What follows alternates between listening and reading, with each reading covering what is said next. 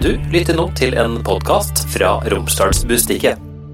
Hør på henne presenteres av DNB, din økonomiske rådgiver fra A til Å. Hun er forsker med doktorgrad på livmorhalskreft og har et brennende engasjement for kvinnehelse. Hun vokste opp i Isfjorden, men har alltid vært opptatt av andre kulturer og for ting hun opplever som urettferdig i samfunnet. Thea Brevik, velkommen til Hør på henne. Tusen takk. Hvordan går det? Veldig bra. Du er her fordi vi skal snakke om eh, kvinnehelse, og du har forsket bl.a. på livmorhalskreft. Men litt mer om deg først. Hvem er du, Thea? Jeg heter Thea og er 33 år. Jeg er fra Isfjorden og har en doktorgrad i livmorhalsscreening. Og nå forsker bl.a. på partnervold og forebygging. Og du bor i Molde i dag? Ja. Ja. Nordbyen. Nettopp. Med familie og hele pakka? Ja. Mann og tre barn. Du Thea, kan du si noe om status for kvinnesjukdommer blant forskere? Altså hvordan er det historisk sett og i dag? Historisk sett altså, er det sånn at vi, vi sier at uh, den tradisjonelle forskeren, det var en mann som forska på menn for menn. Og det dette har gjort over tid, da, er jo at eh, kvinnehelse har vært nedprioritert. Og eh, vi har veldig lite forskning. Det er store kunnskapshull eh, når det kommer til kvinneforskning. Både sykdommer som rammer kvinner, sånn som endometriose, fødselsdepresjon, overgangsalder. Men òg de sykdommene som rammer begge kjønn, f.eks. kreft.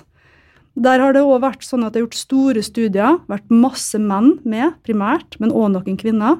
Men så har en ikke trukket ut resultater, så se på de spesielt på kjønn, så vi vet ikke i dag hvordan eh, dette har påvirka kvinner.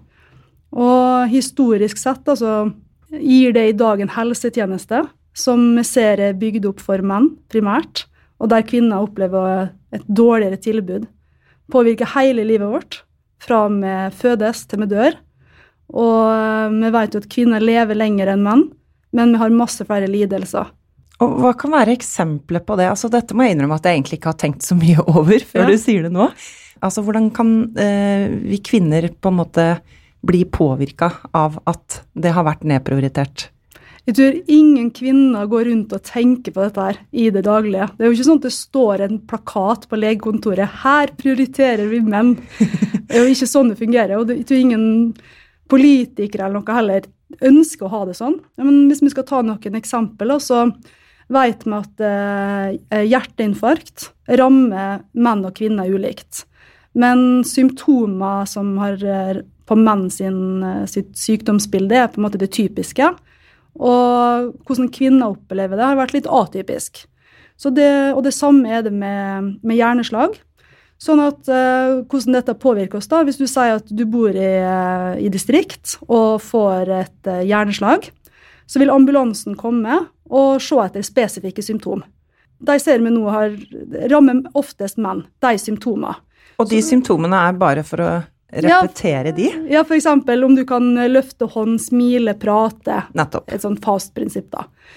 Og så, når kvinnene da ikke har de symptomene, så eh, kanskje det ikke kjøres med blålys til sykehuset. Når du kommer i akuttmottaket, så tenker han nei, men det er jo ikke typisk eh, hjerneslag, dette her. Det tar lengre tid før du sendes videre fra akuttmottaket. Behandlinga kan bli dårligere. Og det han ser òg, at eh, det påvirker helt rehabiliteringsfasen. At det tar lengre tid for å bli bedre. Og så påvirker kanskje livskvaliteten mye lengre enn hvis vi hadde visst om disse symptomene her allerede fra ambulansen. Men en annen ting er jo dette med legemiddel. Vi vet ikke hvordan legemiddel påvirker oss forskjellig, men vi tar de samme legemidlene. Og så En annen eksempel på hvordan det påvirker oss, er jo at de sykdommene som går videre til spesialisthelsetjenesten Og Da ser vi nå at det er en del eh, kriterier eller sykdommer som er lett å komme til spesialisthelsetjenesten. Mens hvis du har migrene eller vondt i ryggen, som der det er overvekt av kvinner, kan gå i årevis i primærhelsetjenesten hos fastlegen, inn og ut, uten å henvises videre. Og hva skal vi gjøre med dette? Hvordan skal vi snu utviklingen? Ja, nå har det akkurat kommet en veldig stor rapport da, fra Kvinnehelseutvalget som foreslår 75 tiltak. Det skal koste 1 milliard. Det kom en lignende rapport i 1999 som eh, egentlig viste akkurat det samme. Det har ikke skjedd noe siden på de 20 åra. Det ble en liten bølge akkurat med det samme. At eh, oi, dette her er jo kjempeviktig, sånn kan vi ikke ha det. Og så gikk det over. Men uh, i det siste, mange som står frem med menstruasjonsplager, blir ikke tatt alvorlig. Og så ser vi at dette går tilbake til, til videregående, til ungdomsskolen. Jentene gis ikke god nok seksualundervisning. Menstruasjon har på en måte vært tabubelagt. Vi diskuterer det ikke vennene imellom, så alle som går med menstruasjonsforstyrrelser, tror at det gjelder bare seg sjøl. Så her ser vi noen konturer som er veldig interessante, og som vi får bare håpe ikke er en sånn ny eh, opptur, og så går det 20 år til neste utredning, og ingenting har skjedd, da. Kan vi kanskje takke en viss eh, skandaleklinikk, skulle jeg til å si. Altså, ja. Det var jo en klinikk som ble starta opp av tre influensere. Ja. Som eh, skulle ha fokus på kvinnehelse. Det mm. viste seg kanskje at fokuset lå mer på skjønnhetsbehandling. Men skjedde det noe i kjølvannet av det? Ja, da, da fikk vi en sånn eh, kollektiv protest. Det var utrolig mange kvinner som liksom ropte ut at dette her handler jo ikke om kvinnehelse. Og det fokuset er kjempeviktig. Det er jo akkurat det samme som skjer med når noen enkeltpersoner står fram med lidelser, og det blir et fokus, og så kommer det kanskje noen eksperter og bygger opp under det. Men man ser jo det at uten disse her medieoppslagene, eh, disse enkelthistoriene, så er det veldig vanskelig å nå igjennom som forsker òg. Egentlig tenker jeg at så bra at de trådde feil. Og um, at de har jo egentlig gjort noe bra for kvinnehelsa nå, til slutt. Ja, Uten at det nødvendigvis var ja. intensjonen. Ja, så takk for det. Av disse 75 tiltaka, hvilke er det du har mest tro på? Nei, det, det er jo dette her med at det må samles informasjon og data så jeg har veldig trua på dette med at vi må forske mye mer og se på strukturene og se på hvordan samfunnet vårt er bygd opp. Eh, vi ser at kvinner har store omsorgsbyrder. Vi tar det som kalles det tredje skift, som vil si at vi har jobb, vi har det betalte arbeidet, og så kommer vi hjem og så vi et, kommer vi tilbake til en ny jobb der vi skal ta vare på mann. Eh, barn særlig, men du har òg foreldre, vi stiller opp for naboer. Og dette tynger oss gjennom livet. da. Så det er ikke rart at kvinner har mye muskel- og skjelettplager. Men samtidig så vet vi ikke nok om beinbygging, sånn at det hele, det hele samfunnet vårt som må jobbes med. Og god kvinnehelse, det er god folkehelse. For har du ei god og sterk kvinnebefolkning, da får du god folkehelse. Kvinner er kjempeflinke til å bidra med folkehelsa. Vi tar mindre risiko, som er jo lite disponert for bilulykker f.eks. Vi røyker mindre, drikker mindre, men vi har disse andre problemer da, som vi må jobbe med. Hva ligger til grunn for ditt eget engasjement, altså rent bortsett fra at du er kvinne, selvfølgelig? Det er litt tilfeldig at jeg er så interessert i akkurat kvinnehelse. Jeg er veldig interessert i egentlig urettferdighet og ulikhet.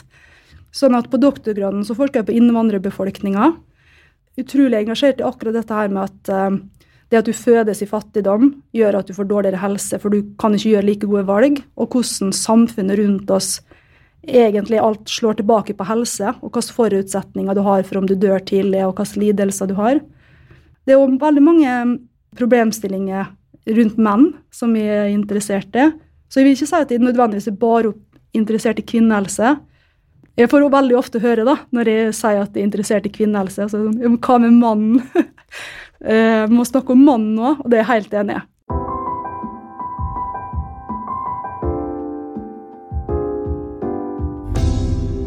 Du har jo da forska på livmorhalskreft. Og du mener at livmorhalskreft kan både forebygges og utryddes.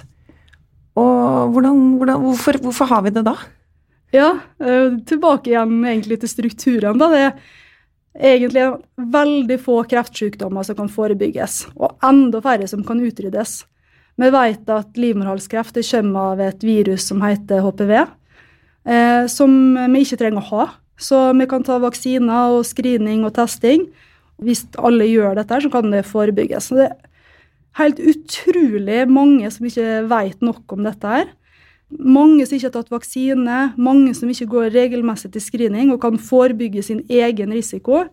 Og jeg tenker at det er et del av et større bilde. da, At uh, det høres så lett ut, men uh, når du ser på de store strukturene i samfunnet, så jeg tror ikke det er tilfeldig at det er en sånn kvinnesykdom som blir nedprioritert nok en gang, da. Og nå har det jo vært, eh, altså i forbindelse med det vi snakka om, at det har vært flere saker i media med ja, case med type sykdommer som endometriose, fødselsdepresjon, mm. så har det også vært satt fokus på livmorhalskreft ja. og kvinner som har fått feiltolket celleprøvene sine. Mm. Hva tenker du når du hører sånne historier? Det er helt forferdelig. Jeg kan ikke tro at det er sånn. Men grunnen til at det har blitt eh, feiltolka, er jo at eh, han har tatt celleprøver og sett på om det er celleforandringer i mikroskop, og så er det opp til hver enkelt som ser i mikroskopet, å avgjøre. Så heldigvis nå så skjer det en endring i livmorhalsprogrammet fra 1.7. Da skal alle prøvene eh, analyseres og se etter HPV, så det vil jo være en forbedring. Men når man skal se på celleforandringer, så må man fortsatt bruke mikroskop. Så det er jo en av grunnene til at det kan skje feiltolking. da, At det, det at vi bruker mennesker til dette her. Så vi kan håpe at uh, kunstig intelligens på sikt kan gjøre en sånn type jobb. Men um, når det kommer til feilmarginen i livmorhalsprogrammet, så uh, er den veldig, veldig lav. Den er 0,01% så det er veldig få som får prøven sine feiltolka. Livmorhalsprogrammet er jo estimert til at det forebygger at 700 kvinner får kreft i året. Det største problemet i dag er ikke feiltolking, det er at folk utsetter å ta livmorhalsprøve. Det er det store problemet. Og hvorfor gjør vi det? Hvorfor utsetter vi å ta livmorhalsprøve? Altså, for da må man jo gå til en eh, gynekologisk undersøkelse. Mm. Mange kvier seg til å sette seg eh, naken eh, eller avkledd i en gynstol foran en lege og skreve. Det er jo ekkelt. Eh, så helt klart dette at det er ubehagelig og ekkelt. Eh, nå skal det ikke gjøre vondt da, for de som ikke har tatt celleprøve før, eller livmorhalsprøve. Så det er viktig å Vi vil bare si at det skal ikke gjøre vondt, det kan stikke litt. Men så er det jo dette at det er veldig lett å utsette i en travel hverdag. Så jeg tror det er utrolig mange som ikke nødvendigvis tenker 'dette vil jeg ikke gjøre', men som tenker 'jeg skal gjøre det'. Det må bare passe først. Ja, jeg skal snart gjøre det. Og så blir det ei uke til en måned til et år. Og de som utsetter og ikke tar prøver regelmessig, har økt risiko for å, for å få livmorhalskreft. Så dette er ikke en lur ting å utsette. Men finnes det noen sånn råd eller tips til hva man liksom kan tenke rundt den prøven, for at det ikke skal bli så ubehagelig? Ja. Eh, det ene er at du kan ha med deg noen. Det andre er hvis du har opplevd eh, overgrep, så er det veldig viktig å få snakka med fastlegen din, sånn at den er klar over det. Og så er det mer det praktiske, da, at det er lurt å ha på seg en kjole, sånn at du slipper hele denne avkledninga. Eh, og så tror jeg det er lurt å snakke med venninne eller mor eller de som har gjort det før. For jeg tror det ligger noen barriere der. at noen, tror Veldig mange tror dette er vondt, og det skal det ikke være. Just do it. To spørsmål. Ja. Man, skal man ha på seg sokker når man tar en GU? Ja, vi bruker å gjøre det. skal man barbere seg når man tar en GU? Nei, det trenger du ikke gjøre. Nei. Nettopp. Du nevnte jo da at fra 1. juli så eh, blir det eh, HPV-test ja. som overtar for eh, den celleprøven. Mm. Hva er HPV? HPV det står for human papillomavirus, og det, det finnes over 200 ulike typer av dette viruset. her. Eh, og HPV i seg sjøl er helt ufarlig. Eh, men 14 av disse 200 ulike typene de kan være kreftfremkallende. Og så er det sånn at hvis du er HPV-positiv, så av disse 14 forskjellige typene, så kan det utvikle seg til celleforandringer, altså at cellene begynner å dele seg, som videre kan utvikle seg til kreft. Og Grunnen til at de sier kan, er at i de aller fleste tilfeller så går dette her tilbake av seg sjøl. Så du kan ha en HPV-infeksjon uten at du er klar over det. Dette her gir ingen symptom. Du kan ikke vite om det uten å ta en celleprøve. Så du kan være HPV-positiv, og så går det over. Og du kan ha celleforandringer, lette celleforandringer, og det går over. Før var det anbefalt screening hvert tredje år, og nå eh, når det blir ny HPV-tester, så er det hvert femte hvis du er negativ. Og grunnen til at det er hvert femte år, for noen får litt noia for det her, da, og vil teste seg hvert år. Og tror det er en kjempegod idé. Det er det ikke. For det er nettopp pga. at du kan være positiv, og at det går over, at du har støttet dette intervallet.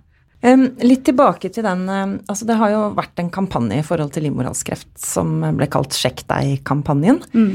Og nå så jeg en nyhetssak nylig uh, der det viser seg at det er veldig mange som da uh, er flinke til å sjekke seg nå. At det faktisk uh, Man har ikke kapasitet til å analysere alle celleprøvene som kommer inn. Og nå er ventetida på å få svar tre og en halv måned. Mm. Er ikke det veldig lenge å gå og vente etter at du omsider har fått kommet deg til legen og tatt denne prøven? Ja. Så skal du vente tre og en halv måned på å få svar. Mm. Jeg, det, jeg kjenner ikke til akkurat uh, den saken, men sånn generelt så tenker jeg at veldig mange utsetter kanskje tre-fire måneder med å ta prøven, og syns det sjøl er helt uproblematisk. Men uh, jeg kan tenke at idet du har tatt prøven, da det jo, går det noen tanker. Så tre måneder er jo kjempelenge å vente på å få svar. For kreften sin del, så altså hvis det, er det, det er jo det han er redd for, at det skal være livmorhalskreft. Det vil jo ikke ha noen betydning sånn på tre måneder, mest sannsynlig, når du har alvorlige celleforandringer. Det, det tenker jeg ikke det primære problemet her. men at du skal gå og grue deg på svaret og gå og tenke på det, det kan jo gi en slags sånn helseangst, da, hvis vi kan kalle det det.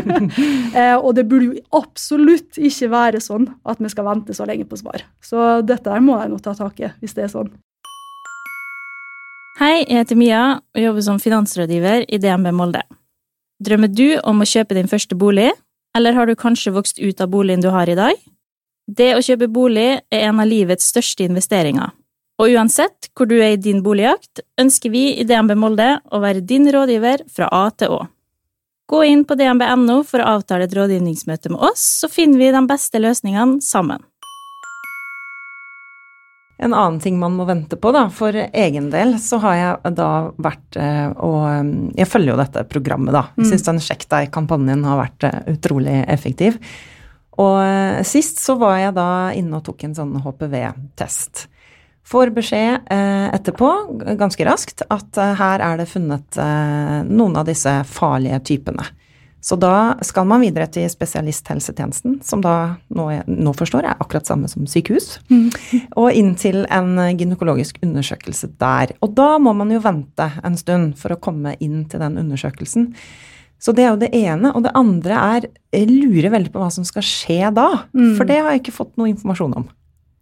Jeg syns du har fått dårlig informasjon, Ivera. Du syns det? Ja. Da må du ta opp med fastlegen din heller. Um, nei, også når du da får eh, beskjed at du er HPV-positiv, så er det ikke noe automatikk at du skal til sykehuset egentlig. Du, det anbefales at du tar en ny prøve om et år for å se nettopp om den HPV-infeksjonen har gått over. Men hvis du fortsatt da er HPV-positiv, og på et tidspunkt så må en jo sjekke ut hva dette her er, og om det er celleforandringer. Og um, det som skjer da, er jo at du eh, når du kommer på sykehus, vil ta en kolposkopi, som det heter. Og det er som en, et mikroskop, men som ser ut som en kikkert. Så da kommer du til å kikke inn i, eh, på livmorhalsen din. Og det er som en gynekologisk undersøkelse på nytt. da. Og ta vevsprøve for å se hvordan vevet ser ut. Da vil du nok få svar da, fra den prøven hvordan det er vev, om det er lette celleforandringer, eller om man er normal, eller om du begynner å bli mer moderat eller alvorlig. Og hvis det da viser seg at det er alvorlige forandringer, hva skjer videre da? Ja, da, Hvis det er alvorlig, så er det neste noe vi kaller en konisering. Og det er da et liten gynekologisk inngrep der han fjerner en del for å forsøke å ta, ta bort. Eh, og fortsatt så er det ikke kreft, men det er for å dette vi snakker om forebygge, da, at det ikke skal utvikle seg til kreft. Men veldig mange som tror at celleforandringer er det samme som kreft, og det er det ikke. Det er forstadiet til kreft. Så denne undersøkelsen her ligner litt på egentlig å ta en celleprøve? Ja, litt, litt mer eh, En mer ordentlig undersøkelse, men uh, Men du trenger ikke å grue deg til dette her. Dette går bra. Du, hvor vanlig er det å være HPV-smitta? Kjempevanlig. Um, 70-80% av alle menn og kvinner har en HPV-infeksjon i løpet av livet. Og hvordan merker man det? Ingenting. Dette Nei. vet du ingenting om. Og for hver, eh, og så kan vi si at HPV smitter primært ved seksuell kontakt. da. Eh, Det kan være samleie, anal, oral sex eller intimkontakt kontakt der, eh, ja, ved kjønnsorgan, da, f.eks. Så ved hver eh, ny seksualpartner hvor ny risiko for å bli smitta. Men du kan òg bli HPV-positiv plutselig eh, uten å ha et ny, ny eh, partner. Det kan jo sikkert være greit for mange å vite, Ja. tenker jeg. Fordi eh, det, det spørsmålet får jeg utrolig ofte, og det er at hvis en har vært i, kanskje gift da, i mange mange år, alltid vært HPV negativ, og så en dag HPV positiv. Da er jo mange som tenker utroskap. Og det trenger det ikke å være. Fordi eh, HPV det kan ligge latent og, eh, og blusse opp. da. Eh, Det som er viktig med akkurat dette, er jo at eh, du tenker at ok, men nå er jeg gift og nå skal jeg ikke ha noen flere seksualpartnere. Så tenker jeg at jeg var jo HPV negativ før. Og da er, tenker en kanskje at sin egen risiko er lav, men det kan ta 10-20 år for at dette utvikler seg. Og um, én partner er nok for å bli smitta. Vi snakker om kvinnehelse, livmorhalskreft. Men HPV det eh, smitter like mange menn som kvinner. Og HPV gir eh, risiko for kreft på penis, endetarm, munnhule. Så menn dør òg av HPV-infeksjon, eh, kan gjøre. Så her er det kjempeviktig med både vaksine og eh, forebygging. Og i dag er det vel sånn at eh, våre unge håpefulle blir vaksinert, både gutter og jenter. Ja. Vi har jo eh, vaksinert jentene i lengre tid, siden 2009, og siden guttene siden 2018. Og eh, grunnen til at vi vaksinerer både gutter og jenter, er jo akkurat dette at det kan gi kreft for, eh, for begge kjønn, og at eh, blir, vi ønsker mindre smitte da, i samfunnet. Så alle får tilbud om vaksine i 7. klasse, og den er gratis. Og den bør alle ta. I Norge er det ni av ti som takker ja, og vi har verdens høyeste vaksinasjonsgrad. Så det er kjempebra. Men jeg har lest at det da finnes to forskjellige vaksiner, Mm. hvor Norge har valgt den ene. Og den vaksinen som Norge har valgt i sitt program, den beskytter ikke mot disse her kjønnsvortevariantene av Mm. HPV. Mm. Er det riktig? Ja. Skal være litt forsiktig med akkurat den vaksinedebatten. Men nå er det sånn at uh, det finnes to typer, som du sier. Og den uh, som gis i barnevaksinasjonsprogrammet, den som ungene våre får, den beskytter mot to typer HPV av 14. Og de to typene de eh, står for 70% av all livmorhalskreft, så den beskytter veldig godt. Så den vaksina den forebygger 90% at du skal få livmorhalskreft. Så det er en kjempegod vaksine. Så er den andre vaksina, som heter Gardasil, den beskytter mot ni typer HPV. Den dekker bredere. Og i tillegg da, gir den beskyttelse sånn som du sier, mot kjønnsvorter. Så det er i fagmiljøet da, vært masse debatt. Jeg begynte egentlig for sånn skikkelig for fem år siden. Og jeg vil si at det er et helt samla fagfelt, bortsett fra Folkehelseinstituttet, som står på at vi burde vaksinert med Gardasil. Det er jeg helt enig i. Ikke bare fordi at, at det er en vaksine som altså Den beskytter jo mot kjønnsvorter, men òg pga. dette med screening. At eh, hvis, vi for to, nei, hvis vi vaksinerer for to typer, så vil vi trenge screeningprogrammet lengre. Så her er det noe med samfunnsnytte, noe med å se det som jeg snakka om innledningsvis. Kvinnen. Skal du fortsette å ta livmorhalsprøver? Mange kvir seg. Dette er ikke noe å holde på med hvis vi kan slippe. Dette Nei, for vi jeg kan egentlig eh, få en vaksine, eller altså, jeg, bortsett fra at jeg ikke kan få den. Jeg må kjøpe den. Ja, og alle kan ta HPV-vaksine. Eh, menn og kvinner i alle aldre. Eh, det gjør ingenting, eh, Vera, at du har HPV. Den, eh, hvis du kan si det sånn, så nå vet jo du at du er HPV-positiv akkurat nå. Og som vi sa, denne infeksjonen her kan gå over av seg sjøl. Eh, Men ei vaksine vil jo kunne forhindre at det utvikler seg videre. Og den kan også forhindre nye infeksjoner. Så du òg har jo godt av å bli vaksinert. Men for et samfunnsnyttig perspektiv, da, så tenker jo da myndighetene i Norge at eh, ja, du som person kan jo ha nytte av det. Men har Norge nytte av det, hvis vi kan si det sånn? Så her er det noe med at én ting er nytte av vaksiner for den enkelte, og en annen debatt er hvor samfunnsnyttig er det å vaksinere alle. Så der tenker jeg at der skal vi tenke på individet mye mer enn samfunnsnytten. Og det å vaksinere kvinner og menn, det har en nytte i seg sjøl. Og her må vi ha et sånt føre-var-prinsipp. Jeg er veldig for at flere skulle, mange flere aldersgrupper, særlig i 20-åra, egentlig i 30-åra, skulle fått den vaksinen her. Men som du sa, vi kan jo ta vaksiner. Det er bare å ringe fastlegen sin. Eh, får, hvor mye koster den egentlig? Den koster 5000 kroner. Oi. Ja, det var jo litt. Det er jo ikke greit. Og så her tilbys vi fra arbeidsgiver influensavaksine. Vi får så mye rare tilbud om ting som ikke kan redde livet vårt, men som gjør at vi kanskje er mindre borte fra jobb. Eh, men her har vi en vaksine som gjør at jeg og du kan kanskje redusere vår egen risiko for kreft. Denne vaksinen burde alle ta. Den burde absolutt ikke kosta 5000. Den skulle ikke kosta noe i det hele tatt. For det er også sånn, Thea, at de som har hatt livmorhalskreft og, og overlevd den, eh, de kan jo også bli smittet på nytt og faktisk få kreft på nytt. Men ja. heller ikke de får alltid vaksine. Nei, og her uh, vet vi at hvis du har hatt HPV i livmorhalsen, da, som du har hatt hvis du har hatt livmorhalskreft, så er det økt risiko for at du har òg HPV-viruset på andre slimhinner, f.eks. i kjønnsleppa eller i skjeden, og gir økt risiko for kreft andre steder. Du, hvor eh, stressa bør man være hvis man har fått beskjed om enten celleforandringer eller HPV-virus som som av den farlige sorten, da. Mm. Og man går og venter på en sånn eh, undersøkelse. Mm. Hvor stressa trenger man å være da? Nei, jeg syns ikke jeg skal være så veldig stressa for det. Men eh, som jeg sa, det er jo som oftest, det går jo tilbake av seg sjøl som oftest. Men samtidig, jeg jobber i helsevesenet i mange år. Mannen min jobber i helsevesenet. Jeg har ikke lyst til å sitte her og si at du ikke skal være stressa, for han ser at han må faktisk ta ansvar for egen helse ting kan glippe. Det er du som skal følge opp hvis du ikke har fått svaret etter tre måneder. Jeg hadde ringt og purra. Jeg hadde passa på at jeg hadde lest svaret ordentlig, fått med meg informasjon, spurt de spørsmåla jeg trenger å ha. Så han må virkelig stå opp for seg sjøl, og ikke forvente at andre skal gjøre det heller.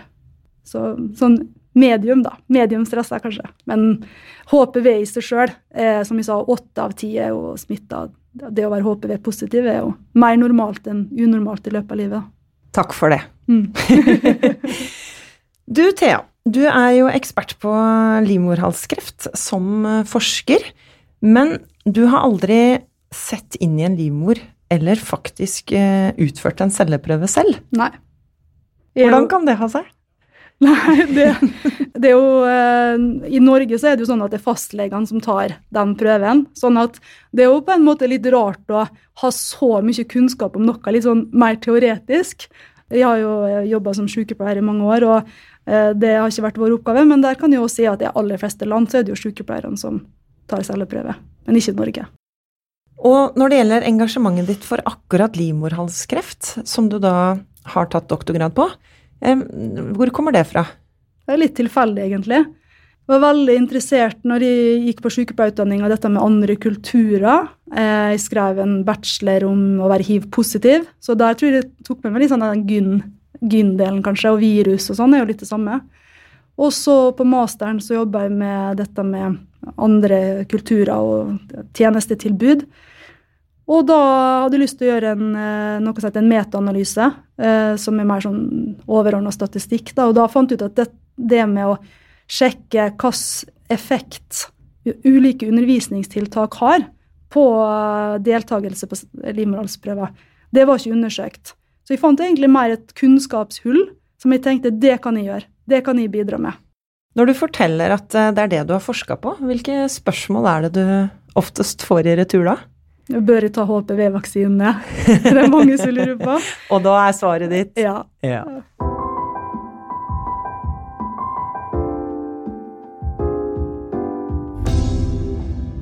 I forbindelse med doktorgraden så tilbrakte du et år hos eh, Verdens helseorganisasjon i Frankrike. Hvor i Frankrike var det? Eh, I Lyon. Eh, Hvordan var det? Åh, det var både kjempebra og veldig skummelt. Utfordrende. Tenker tilbake på det som det mest lærerike året i mitt liv, både som profesjonelt og personlig. Veldig glad for at jeg turte å dra dit. Det jeg lærte aller mest av, er nå det å jobbe i et sånn toppforskningsmiljø. Prestisjemiljø der alle konkurrerer mot alle. Det er lange arbeidsdager. Og hvor tøft det er eh, når du har barn, da. Ja. Var det litt sånn kulturkrasj? Ja. Jeg jobber på screeningavdelinga, da. Og dette her er, bare for å si det, det er verdens kreftforskningssenter. Det finnes ikke noe høyere. Jeg var den eneste på avdelinga som hadde barn. På det tidspunktet var de fire og fem år. Mannen min skulle jo være med som eh, eh, Egentlig være hjemmeværende det året, sånn at jeg skulle få jobbe. og da hadde jo disse to barna, og, og, det at du skal egentlig komme utrolig tidlig på jobb, da, kanskje sånn i seks-sju-tida, og være der kanskje til ti-elleve på kvelden, bare jobbe, jobbe, jobbe hele tida. Og når du da har to unger som trenger det, og den følelsen av å hele tida si på jobb at eh, jeg må hjem, eller jeg må, eh, kom, kom senest og dro tidligst, det kommenterte kollegaene mine hver dag. Og um, i helgen så fikk jo de jobba utrolig mye. Og på mandag når du sitter i lunsjen, og noen sier til deg 'Gjorde du noe kjekt med familien din i helga, du, da?' Så blir du på en måte litt gjort narr av. fordi det er, det, det er egentlig ikke et positivt spørsmål. Så jeg kom jo hjem og tenkte at eh, det er jo så lett å kombinere i Norge. Altså, Vi ser det ikke sjøl. Det er så lett å tenke at du skulle hatt mer tilrettelegging på jobben. Men nå har jeg vært et år uten tilrettelegging og sett hvor ille det kan være, hvis en kan si ille på den måten der, da. Og hvordan var reaksjonene på at det var mannen din som var hjemme og passa barn? Er blitt eh, litt latterliggjort eh, i noen miljø, særlig i Frankrike var jo dette utrolig rart. Der var det sånn at ja, Vi satt jo ungene på fransk skole. Så da var mannen min den eneste mannen som henta barna hver dag klokka tolv. Sammen med en haug med kvinnfolk. Og bare det å stå der som alene men Alle snakka om han. Vi bodde i en liten fransk landsby, og um, mannen min er mørk, da, eh, hudfarge i tillegg. Så det var utrolig rart for deg at uh, hele greia Jeg tror vi var en veldig rar familie. og, um, så i Frankrike var det jo litt sånn selvfølgelig det er litt mer maskulin kultur. og Så var det liksom veldig pussig da, at jeg skulle forsørge familien og jobbe, og han skulle være hjemme. Men det jeg var mest overraska, det var hjemme. Hvor mye rare reaksjoner vi fikk her. Og når jeg jobba med dette, her da, så fikk jeg hele tida spørsmål om hva syns mannen din om dette her? Liksom, det prosjektet du driver og jobber med. Syns han dette er greit? Og da tenkte jeg på alle disse offiserkonene som har vært med rundt omkring, og, eller kvinner som har fulgt mannen sin på ambassadearbeid. Og um, fått liksom Og hvor heldig du er som får være et år i Brussel. Var det ingen som sa det til mannen din? Alle var sånn Stakkars han, da! Som liksom skulle være hjemmeværende, akkurat som at uh, han var ikke noe heldig i, da. Eller han var liksom ikke heldig. Men, så det var, det var mye mer overraskende å hele tida stå og forsvare det ikke med at jeg skulle jobbe, jeg skulle forsørge, og han skulle være hjemmeværende.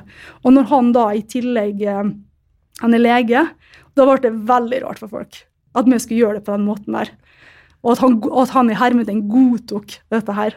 Fikk masse, masse reaksjoner. Og så er jo mannen din fra Averøya, har jeg skjønt. Eh, Mm. Hvor er det dere møttes? Vi møttes i psykiatrien. Eh, Jeg var sykepleierstudent i praksis på Hjelset, og han var assistentlege ute på Hjelset, så der møttes vi.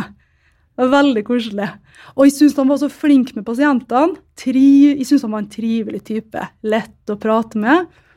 Og så skulle vi på julebord, og da dansa han Gangnam Style eh, på julebord. Og da tenkte jeg fy søren, han der.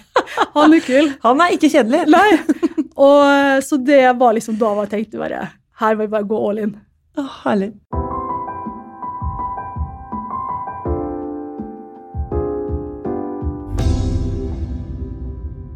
Thea, du kommer jo fra Isfjorden. Hvordan var det å vokse opp der? Veldig fint. Trygt miljø. Hatt veldig gode lærere. Hva drømte du om når du var eh, yngre? Alt mulig. Jeg har alltid hatt veldig sånne høye mål og likte å drømme. Så jeg tror jeg drømte om å bli det aller meste, egentlig. Og litt tilfeldig at jeg havna der jeg er. Du har jo nevnt at du både er interessert i dette med andre kulturer og møte med andre kulturer, og veldig opptatt av rettferdighet. Hvor kommer det fra? Jeg vet ikke, det, kanskje bare ligger i meg, men jeg, jeg tror at um, Altså, jeg, når jeg gikk på videregående, så var jeg et år på utveksling i Frankrike. Så jeg ble veldig sånn tidlig frankofil, da. Uh, og så reiste jeg jorda rundt. Men når jeg traff han uh, Mudde, mannen min, da, er, han er opprinnelig fra Sri Lanka, uh, tamilsk, men han er oppvokst uh, så å si hele livet på Averøya, så han er jo en pekal. Tenker ikke over i det daglige at han kommer fra en annen kultur, men vi blir veldig ofte konfrontert, eller andre påminner oss om det hele tida. Ja, hvordan da? Nei, det er liksom den i det daglige, da. At andre ser på han som annerledes, sjøl om vi ikke tenker på det. For eksempel den, eh, den evige spørsmålet 'hvor kommer du fra?' Det tenker vi ikke med på, liksom, men da blir du på en måte veldig opptatt på at den andre ser på det som en annerledes person. Og når han Mudde tok over, eh, når han ble fastlege i Molde, da, så uh, tok han over ei liste. Og da er det sånn at det er 1300 personer som får brev om at nå har du fått ny fastlege. Og da står det der liksom Muhunta Navaratnam, da, som er det lange navnet. Og da skjer det at det er veldig mange som bytter fastlege. Altså Det skjer en sånn ras da, på lista. Fordi at folk tenker sånn nei, jeg vil ikke ha en utenlandsk fastlege, og vet ikke om han snakker norsk. og og mange ringte inn til helsesekretæren og de har snakka norsk, han der. og Det er veldig rart når du opplever det sjøl som norsk, at andre ikke gjør det. Og hvis man er i skibakken, for eksempel, og du er veldig flink på snowboard, da kommer folk og sier sånn Do you like uh, skiing in Norway, for eksempel? um, I går var vi på Moldebadet, og ungene våre er jo uh, litt sånn små, småmørke, da. Og da var det ei lita jente som kom bort til min datter og sa Snakker du norsk? Og så skjønte ikke jenta mi dette her. For hun bare ja, sa hun. Gjør du? Og hun bare ja, selvfølgelig snakker jeg norsk, sa hun. Jenta var kanskje sånn seks-sju år. Eh, men du ser ikke så norsk ut, sa hun til min datter. Og så sa dattera mi til meg etterpå hvordan ser en norsk person ut? For hun tenkte ikke på den måten som For når jeg sto og observerte dette, her, så tenkte jeg sånn Oi, oi, oi, liksom. Men nå tok ikke dattera mi det noe ille opp, men det er den her kontinuerlige oppmerksomheten fra andre. Jeg var kanskje blind for det før, men nå når jeg lever med det på en helt annen måte, så er det klart at jeg, jeg ser jo ting som jeg ikke så før. Ja. Og nå sitter jo vi og, og smiler og ler litt av disse Mm. eksemplene, da. ja. Men er det egentlig noe å le av? Nei. Nei, eh, det er utrolig trist. Og, og jeg følger jo litt med denne woke-debatten da, som har pågått. Så jeg blir veldig overraska over litt sånn hvite folk som meg sjøl, som aldri har diskriminert, aldri kjent dette på kroppen, som sitter og mener At vi ikke har rasisme i Norge, Ja, eksempel? så tenker jeg, det har jo ikke du peiling på. Og så tenker jeg jeg skal være litt forsiktig når han ikke lever med det sjøl. Og så er det noe med at, eh, sånn som vi har diskutert mye hjemme, at når det betyr så mye for den andre, og koster det ingenting å la være å bruke visse ord, kan vi ikke bare gjøre det, på en måte. Én ting er når det angår deg sjøl, og så blir du veldig var når det angår ungene dine. Så for eksempel så valgte vi når ungene var født, at jeg skulle ha fars etternavn. Det er så typisk norsk. Og, ja, liksom, far har etternavn, ja. Det gikk jo ikke. Vi ble jo på en måte hele tida satt i bås da, at vi var utenlandsk familie. Så har jeg norsk etternavn, så viser jo all statistikk at eh, du kan bli diskriminert i boligmarked, når du skal ha lån. Det er jo så mange negative tendenser med å ha et utenlandsk etternavn. Så tenkte vi når vi kunne velge, så tok vi det norske etternavnet, da. Så nå heter de eh, Navaratnam som mellomnavn, og så Brevik til etternavn. Hvordan kan vi bli bedre på å ikke være hverdagsrasister? Åh, det, det aller mest grunnleggende er jo dette med å være obs på ord da, og uttrykk. Jeg, jeg, tenker at vi må slutte å spørre alle som ikke er hvite, hvor de kommer fra. Jeg, jeg, tenker det, Men jeg vet at det er ikke alle som er enig med meg. Og det er ikke noe vondt meint. Det er det som jeg tror er, mange tror at ja, men jeg mente ikke noe vondt med det, og da er det greit. Nei, det er jo ikke sånn. Det er jo når du går en tur på butikken, du føler deg helt norsk, du kommer fra Averøya, og så plutselig noen sier sånn hvor, du, hvor er det du kommer fra? Så blir du hele tida påminnet at du er annerledes.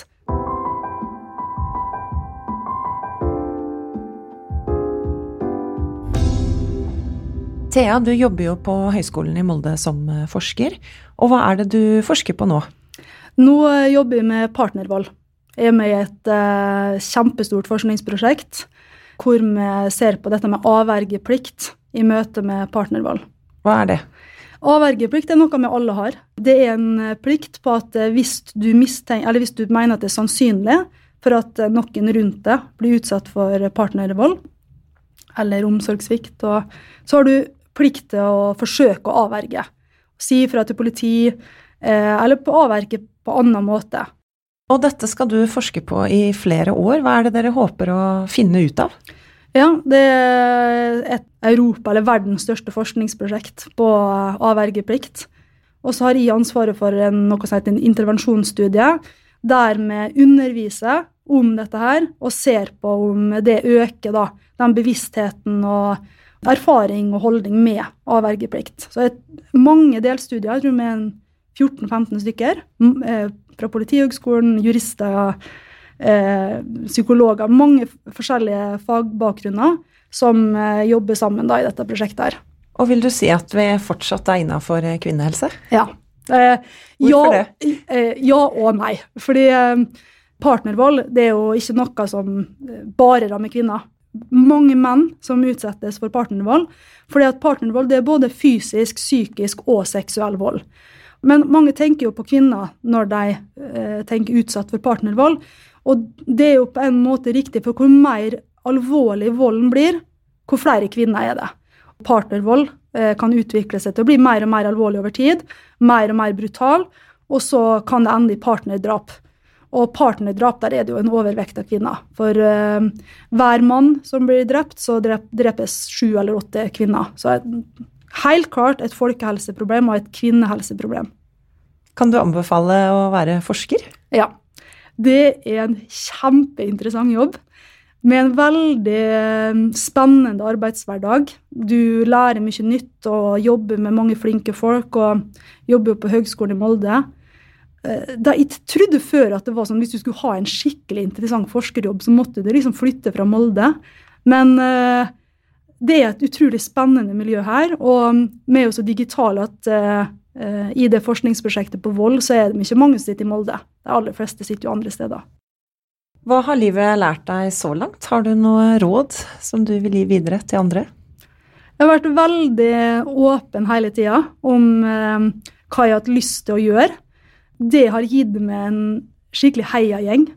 Det at jeg har turt eh, Når jeg har søtt med noen mål, f.eks. når jeg var helt nyutdanna sykepleier, så tenkte jeg at jeg har lyst til å ta en doktorgrad. Når jeg sa det på den tida, så virka det egentlig helt urealistisk. Det gjorde at jeg fant noen som var sånn skikkelig, ikke bare heiere med sånn muntlig, men som var sånn Å, jeg kjenner Jeg kjenner hun, jeg kjenner han du bør ta kontakt der. Så plutselig fikk jeg et eh, skikkelig stort nettverk som, som sendte meg til Frankrike, eh, som nå har gitt meg denne eh, partnervoldmuligheten. Alt dette fordi jeg hele tida har vært veldig åpen eh, og ikke vært redd for å snakke høyt om hva jeg har hatt lyst til. da. Hvilken kvinne ser du opp til? Akkurat nå følger jeg veldig med hun Lise Klavenes og måten hun går imot Fifa. En sånn Tenk at hun er norsk, og tør å gå imot et sånt samfunn og sånne strukturer. Der og tenker vi har vært blinde på hva som har foregått, og kvinnefotball og Nei, så innen helse er det jo masse gode rollemodeller. Rart å nevne opp noen. Så mange bra folk. Lise Klavenes, skal jeg si. Thea Brevik, tusen takk for at du var gjest i Hør på henne. Tusen takk. Hør på henne er laget av Romsdals Bustikke. Produsenter er Stian Viken og Hanne Fleischer. Mitt navn er Vera Henriksen. Har du ris, ros eller innspill til gjester? Send meg en e-post på hennealfakrøll r-b Følg oss også gjerne på Instagram, så håper jeg vi høres snart. Hør på henne presenteres av DNB, din økonomiske rådgiver fra A til Å.